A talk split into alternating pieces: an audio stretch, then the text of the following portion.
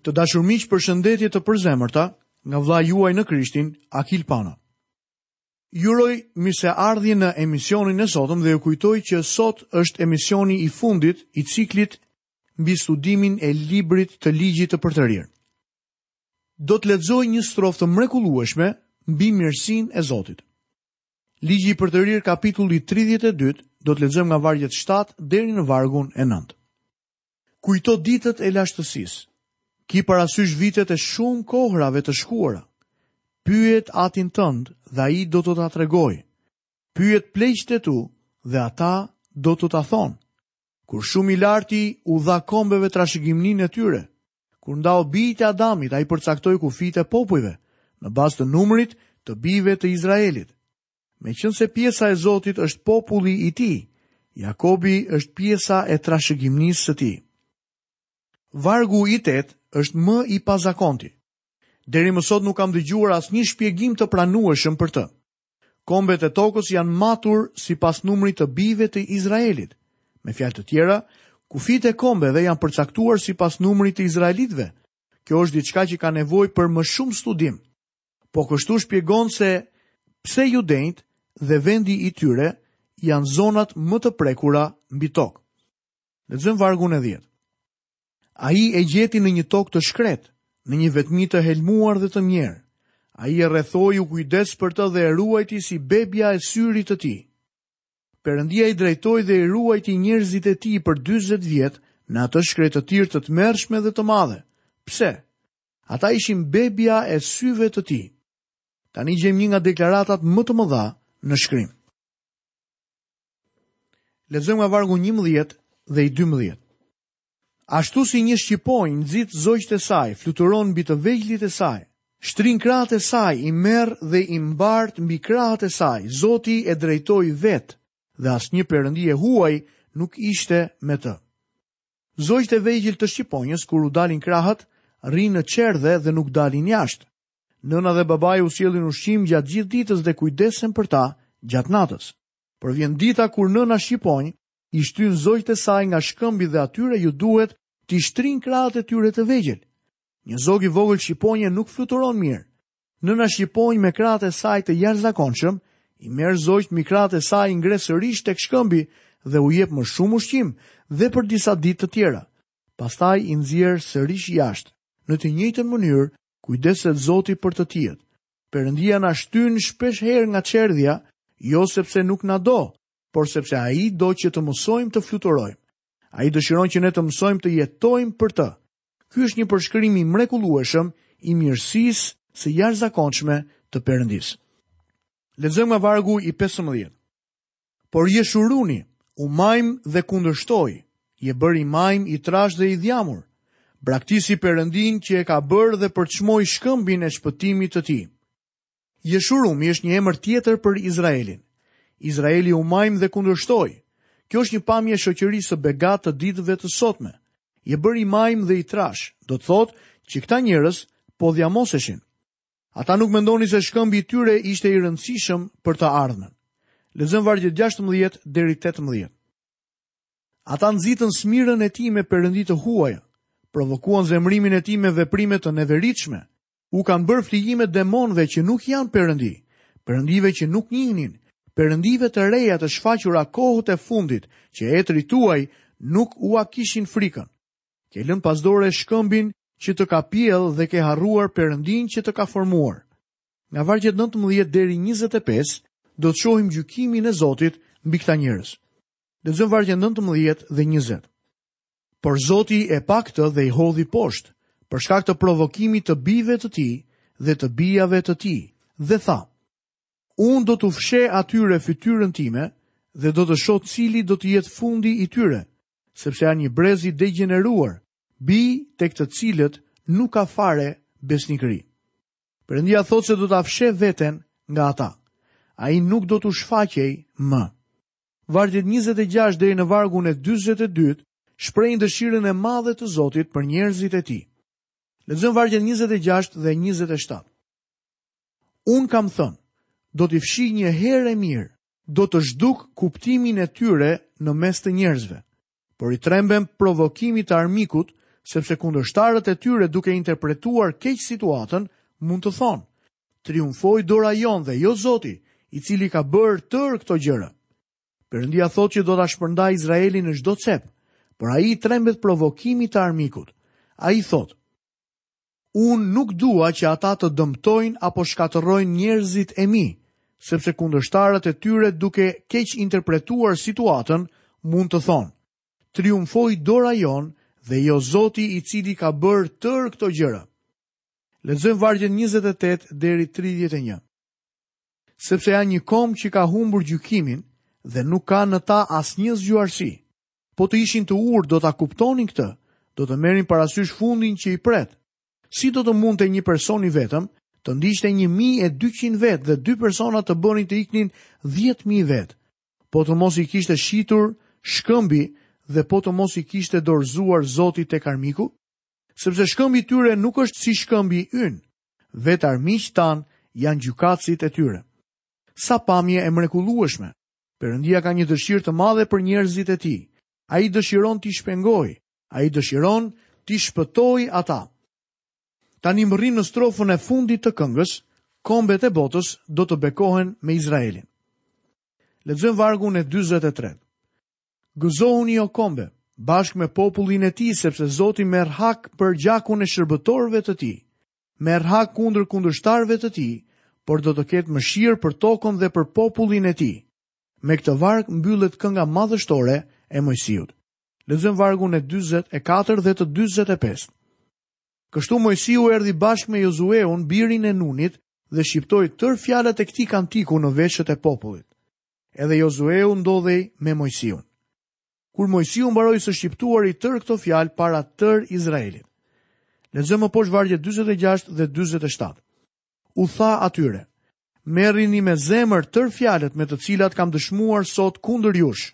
Do t'ua lini porosi bijve, që ata të kenë kujdes të zbatojnë në praktikë tërë fjalët e këtij ligji, sepse kjo nuk është një fjalë pa vlerë për ju, por është jeta juaj dhe me këtë fjalë do të zgjasni ditët tuaja në vendin ku do të hyni për ta pushtuar duke kapërcyer Jordanin. Përsëri qëndrimi i tyre në vend do të varej nga bindja e tyre ndaj Zotit. Lexojmë më poshtë vargjet 48 deri 52. Po atë ditë Zoti i foli Mojsiut duke i thënë: Ngjitu mbi malin e Abarimëve, mbi malin e Nebos që ndodhet në vendin e Moabit, në bregun e kundërt të Jerikosë, dhe vështro vendin e Kananit, që unë u jap bijve të Izraelit. Ti ke për të vdekur në malin mbi të cilin po ngjitesh dhe do të bashkohesh me popullin tënd, ashtu siç Aaroni vëllai yt ka vdekur mbi malin e Horit dhe u bashkua me popullin e tij. Sepse u treguat të pabesë me mua në mes të bijve të Izraelit, në ujërat e Meribës, në Kadesh, në shkretirën e Sinit, dhe sepse nuk më shenjtëruat në mes të bijve të Izraelit. Ti do ta shikosh vendin para teje, por atje, në vendin që unë do t'u jap bijve të Izraelit, ti nuk ke për të hyrë. Mojsiu, përfaqësuesi i ligjit, dhënësi i tij, nuk mund të hyjë në vend. Legalizmi është një pengesë. Ligji është një zbulues dhe jo largues i mëkatit. Ligji nuk mund të shpëtojë asnjë njeri. Ligji nuk mund ta fuste Moisiun në Tokën e Premtuar. Po kështu, Ligji nuk mund të na çojë ne në vendin e bekimeve. Të dashur miq, këtu kemi mbërritur në fundin e kapitullit të 32 dhe së bashku fillojmë studimin mbi kapitullin e 33 në Ligjin e Përtërirë. Tema e këtij kapitulli është bekimi i fundit i Mojsiut për fiset. Veprimi i fundit i Mojsiut përpara vdekjes së tij ishte mbledhja e popullit sipas fiseve dhe dhënia e bekimeve për secilin fis. Lexojmë vargun e parë. Ky është bekimi me të cilin Mojsiu, njeriu i Perëndisë, bekoi bijtë e Izraelit para se të vdiste. Ai filloi me Rubenin, vargu i 6. Rroftë Rubeni dhe mos vdektë, por njerëzit e tij mbetshin pak. Moisiu lutet që Rubeni të mos shuhet si fis në Izrael. Lexojmë vargun e shtatë. Judës përkundrazi i tha këto. Dëgjo o Zot zërin e Judës dhe ktheje tek populli i tij. Dora e tij lufton për çështjen e tij. Bëhu ti një ndihmës i tij kundër armiqve të tij. Juda është gjithashtu fisi mbretëror prej të cilit do të vinte Mesia, Krishti. Lexojmë vargun 8, 10 dhe 11. Pastaj për Levin tha: Thumimët dhe urimët e tu i përkasin njeriut tënd besimtar, që ti provove në Masa dhe me të cilin Je grindur në ujrat e Meribës. Ata u mësojnë dekretet e tua Jakobit dhe ligjin tënd Izraelit. Vënë temjanin para teje dhe tërë olokaustin mbi altarin tënd. O Zot, beko forcën e tij dhe prano veprën e duarve të tij. Shpo tej e përtej ata që ngrenë krye kundër atij, dhe që e urrejnë me qëllim që të mos ngrihen më. Ky fis u nderua nga priftërinjtë në familjen e Aronit. Ata patën privilegjin e mësimit të ligjit. Kombi do të bekohej përmes Levit. Bekimet në Izrael do të vinin përmes fisit të Jozefit, që janë Efraimi dhe Manasi. Një bekim interesant është vargu i 24. Përsa i përket Asherit, ai tha, Më i bekuari nga tërë bijtë qoftë Asheri. Le të jetë i preferuari i vëllezërve të tij dhe të zhysë këmbën e tij në vaj. Është interesant fakti se vite më parë një tubacion nafte erdhi në pjesën veriore të mbretërisë përmes vendit të Asherit. Ndoshta ai tubacion do të hapet. Lexojmë nga vargjet 26 deri 29. Askush nuk është barabar me Perëndinë e Jeshurunit që shkon me kalë nëpër qiejt në ndihmën tënde dhe shkon mbi retë me madhështinë e tij. Perëndia i kohëve të lashta është streha jote dhe poshtë teje ndodhen krahët e tij të përjetshëm. Ai do ta dëbojë armikun përpara teje dhe do të thotë, Shkatërroje! Atëherë Izraeli do ta ndjejë veten të sigurt në një vend gruri dhe mushti dhe qielli i tij di të japë vesë. Ti je i lumtur o Izrael! Kush është barabar me ty, o popull i shpëtuar nga Zoti? Ai është mburoja që të ndihmon dhe shpata e lavdisë sate. Armiqtë e tu do të të nënshtrohen dhe ti do të shkelësh vendet e tyre të larta.